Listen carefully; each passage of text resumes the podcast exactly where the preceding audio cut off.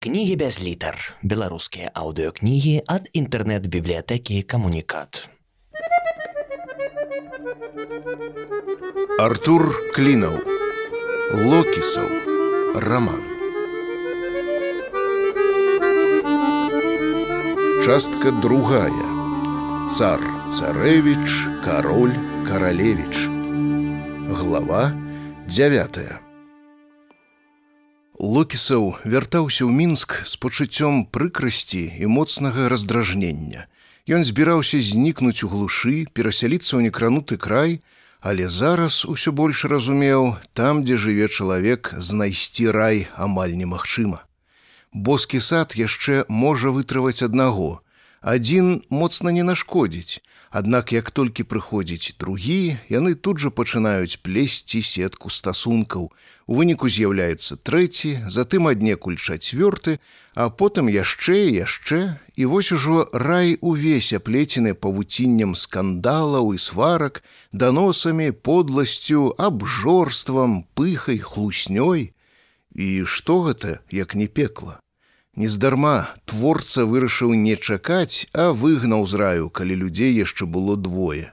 А і е сядзелі на трубе, а упала, е прапала. Неўзабаве паказаўся паварот на вілкуны, праз кіламетр на вяйшноры. Локісаў настолькі занурыўся ў свае думкі, што не адразу заўважыў наперадзе міліцэйскі газік, дакладней убачыў, але не надаў значэння, А калі зразумеў, што да чаго ўцякаць ужо было позна, на ўзбочыне дарогі махаў жазлом Михалыч, учарашні мядзведь у пагонах. Побач у казле, што перакрываў дарогу, сядзеў і другі касалапыч. Так так баран едзе, падышоў першы да акенца кіроўцы. Локісаў адразу заўважыў відавочную змену. Учора абодва трымаліся на падтанцоўках, чаго і зволіце гаспадзін прокурор. Сёння Михалыч выдаваў сябе за гаспадара района. А што учора подпісалі, ужо забылі, працягнуў ён. Так так, нехорошо, але я вам напомню. Называецца гэты дакумент строгай отчетнасці подпіска аб нявыездзе. Да ладно, Михалыч, пачаў локісаў наўмысна па-сяброўску. Вы ж самі разумееце, што ўсё гэта несур'ёзна. Чуеш, Сямён, Яго правасхадзіцельства шуткуе, кажа, дакумент несур'ёзны. Так так, яго правасхадзіцельства вялікі шутнік, адгукнуўся той, вылазячы з казла. Локісаў заўважыў, што сямён трымае ў руках нешта дзіўнае, не жазло, не міліцэйскі дручок, ні тэчку, ні пісталет, ні агурок, не плаўлены сырок дружба, ці што там яшчэ можа быць на ўзбраенні ў міліцыянта. Ён трымаў у руках штосьці вельмі падобнае да рагаціны на мядзведзя. А гэта навошта? З лёгкай трывогай у голасе спытаў локісаў і ўжо хацеў быў выйсці, як раптам пачуў сядзець. Сядзець! грозна паўтарыў Михалыч. З машыны толькі па маім загадзе. Локісаў застаўся ў машыне, але благія прачуванні накацілі на яго і непрыемнымі дробнымі сутаргамі сканцэнтраваліся ў вобласці паясніцы. Так так, значыцца, перашкаджаем следству, ужо спакайней прамовіў Михалыч. Дазнання па справе забойства грамадзянкі Турмелович яшчэ не скончана, а галоўны падазраваны спрабуе знікнуць. Што ў такіх выпадках робяць, а сямёныч? Ясна што! адгукнуўся той з відавочным задавальненнем, перакідваючы рагаціну з рукі ў руку. Падазраванага ў каталажку кідаюць. І праўда, з яшчэ большай асалоды падхапіў Михалыч. Мера прысячэння падпіска аб нявыездзе замяняецца меры прысячэння змяшчэння пад варту ці па-простаму арыштам. Ды ладно, кіньце, пастроілі дурней хопіць, не будзеце ж вы насамрэч мяне арыштоўваць. Локісаў яшчэ раз паспрабаваў пераканаць сябе ў тым, што гэта немагчыма. Э, не, тут яны не правы, дурня мы яшчэ не строілі. Як пачнем строіць дурня, яны гэта адразу заўважаць. Працягваў Михалыч, чамусьці звяртаючыся да Локісава ў трэцяй асобе, быццам яго тут і не было зусім. А паколькі яны яшчэ і прадстаўляюць вялікую абшэсценную апаснасць, то суправадзіць іх на месца часовага ўтрымання мы павінны на спецтранспарце і з выкарыстаннем прылады у выглядзе двух кольцаў з замкамі, злучаных паміж сабой ланцугом, якая ўжываецца органамі аховы парадку з мэтай абмежавання свабоды дзеянняў затрыманага або кажучы папросту наручнікаў. Михалыч, змена заканчваецца зноў адазваўся семён канчай тут сваёй ерундыцай трэшці давай по-простаму пачакайце пачакайце я недзе ў кіно бачу вы спачатку павінны зачытаць мне мае правы ці то жартам ці то сур'ёзна вымавіў локісаў па-ранейшаму адмаўляючыся верыць у рэальнасць таго што адбываецца. Зараз я табе зачытаю раптам змяніў тон михалыч А ну выйшаў з машыны з паднятымі рукамі, толькі паціху, без брыкання. Локісаў пабарвянеў ад гневу і крыўды, але ўсё ж сябе стрымаў і падпарадкаваўся. Павольна адчыніў дзверы і выйшаў з паднятымі ўгару рукамі. А цяпер лучом да машыны, слыш, да машыны я кажу. Аднак толькі ён павярнуўся, як рагаціна ўпілася ззаду ў шыю, і балюча прыпячатала яго твар да яшчэ гарачага капота. Ты сука! прахрыпеў шаленстве локісаў, не маючы магчымасці нават паварушыць галавою. Чуў сямён, данёсся з-за спіны незадаволены голас.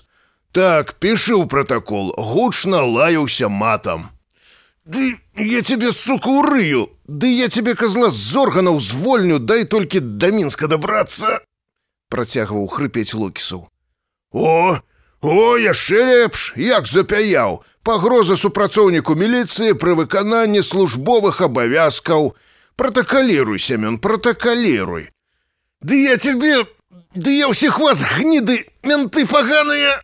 Нутка, нутка. Михалыч падсунуў лыч да самага твару Лукісава, быццам чакаючы ўбачыць, як з ягонага рота вылеціць чарговае злачынства. Опанькі! Раптам яшчэ больш узрадаваўся Михалыч. По дупе хлопанькі, Сямёныч, дык ён жа п'яны, Упраўленне транспартным сродкам у стане алкагольнага п'янення. А гэта ўжо пазбаўленне, пішы сямёныч, пішы. Не ў сілах больш стрымліваць сябе локісаў ударыў касалапча абцасам па каленцы, перакруціўся абедзвюма рукамі ўхапіў рагаціну, адштурхнуў, пхнуў яшчэ раз, што ёсць моцы сямёна і пабег па дарозе. Ах ты падла! А вось гэта ўжо сур'ёзна! Даляцела ему ўслед. Пабег і супраціўленне пры исполненні! Сямён, давай, давай за ім, чаго разваліўся! Да ну нах, лепш на газоне! Локісаў бег па дарозе наперад, як той заяц ляціць у святле фар, у разгубленасці, не цямячы, што можа збочыць і кінуцца ў выратавальны лес. Ззаду гучна мацюкаючыся сямён з дапамогай чарцей мучыў паўжывы акумулятар казла, ды грузна тупаў відавочна губляючы сілы Михалыч. Локісаў прабег яшчэ трохі, як раптам з лесу, быццам даўно пільнуючы яго з засады. Выскачылі мужикі з такімі ж рагацінамі, як у сямёна. Цяпер ён сцяміў, чаму касалапачы сёння так асмялелі. Яны былі тут не адны, а з вялікай групай падтрымкі. Насамрэч два мянты на мядзведзе ці не задужа адвагі. А з гэтым натоўпам, што ляцеў насустрач, усё станавілася на свае месцы. Цяпер яны мелі вялікую перавагу. Праляцеўшы яшчэ па інерцыі некалькі метраў, Локісаў спыніўся. Бегчы далей не было сэнсу. Ах ты сука! наваліўся ззаду Михалыч. Ну гніда заўсё адкажаш. Локісаў не супраціўляўся, падаспеўшы следам сямён, кінуўся круціць яму руки, пстрыкнулі на руках за спінай бранзалеты, нехта сілай прыпячатаў яго твар да гравійкі. Ногі, ногі таксама давай, калі разлютаюцца адны кайданкі не ўратуюць. А цяпер ластаўку! Прасіпеў задыханы Михалыч, так быццам абвясціў наступны танец мазурка. Тут жа нехта злучыў руки з нагамі, пстрыкнулі яшчэ адны кайданкі і, выцягнуўшыся паўколам, Локісаў застыў у вельмі нязручнай позе, так што нават не меў магчымасці паварушыцца. ад любога руху бранзалеты ўсё тужэй сцягвалі костачкі і запясці. Ну вось іншая справа цяпер дакладна не рыпнецца пераможна прахрыпеў Михалыч. Ну што, ці зручна вам ваша мосць, А цяпер запрашаем у замак, то бок пад замок. Здавалася, ён так быў задаволены зробленай працай, што зноў быў гатовы вярнуцца да ветлівых адносін. А цяпер паедземце ў клетку, не мядзвежую, праўда, але таксама надзейную. Эй, хлопцы, машыну яго. Некалькі моцных мужыцкіх клюшняў падхапілі локісавай, панеслі да газіка. Цяпер ён дакладна адчуваў сябе зверам, якому спуталі лапы і, падвесіўшы на дрыне, цягнулі да вогнішча, каб спусціць шкуру, вытрыбушыць ды засмажыць. Нутка, нутка, прытармазіце, зноў пачуўся голас Михалыча. Дайце я яму умажу на ўздагон. Вось табе за суку, а гэта за непадчыненне. Локісаў адчуў некалькі нямоцных, але балючых удараў па рэбрах. Михалыч біў ды прыгаворваў: А гэта вам баран за эксплуатацыю мясцовага сялянства, А гэта за зіну, А гэта за альберціну, А гэта за бандеру, А гэта за майдан.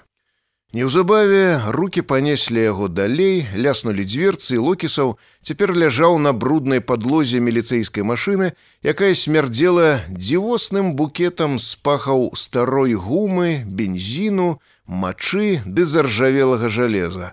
Зноў грукнулі дзверцы і ў змроку застаўся толькі чэзлы пучок святла, што прабіваўся аднекуль зверху праз каламутнае закратаванае акенца.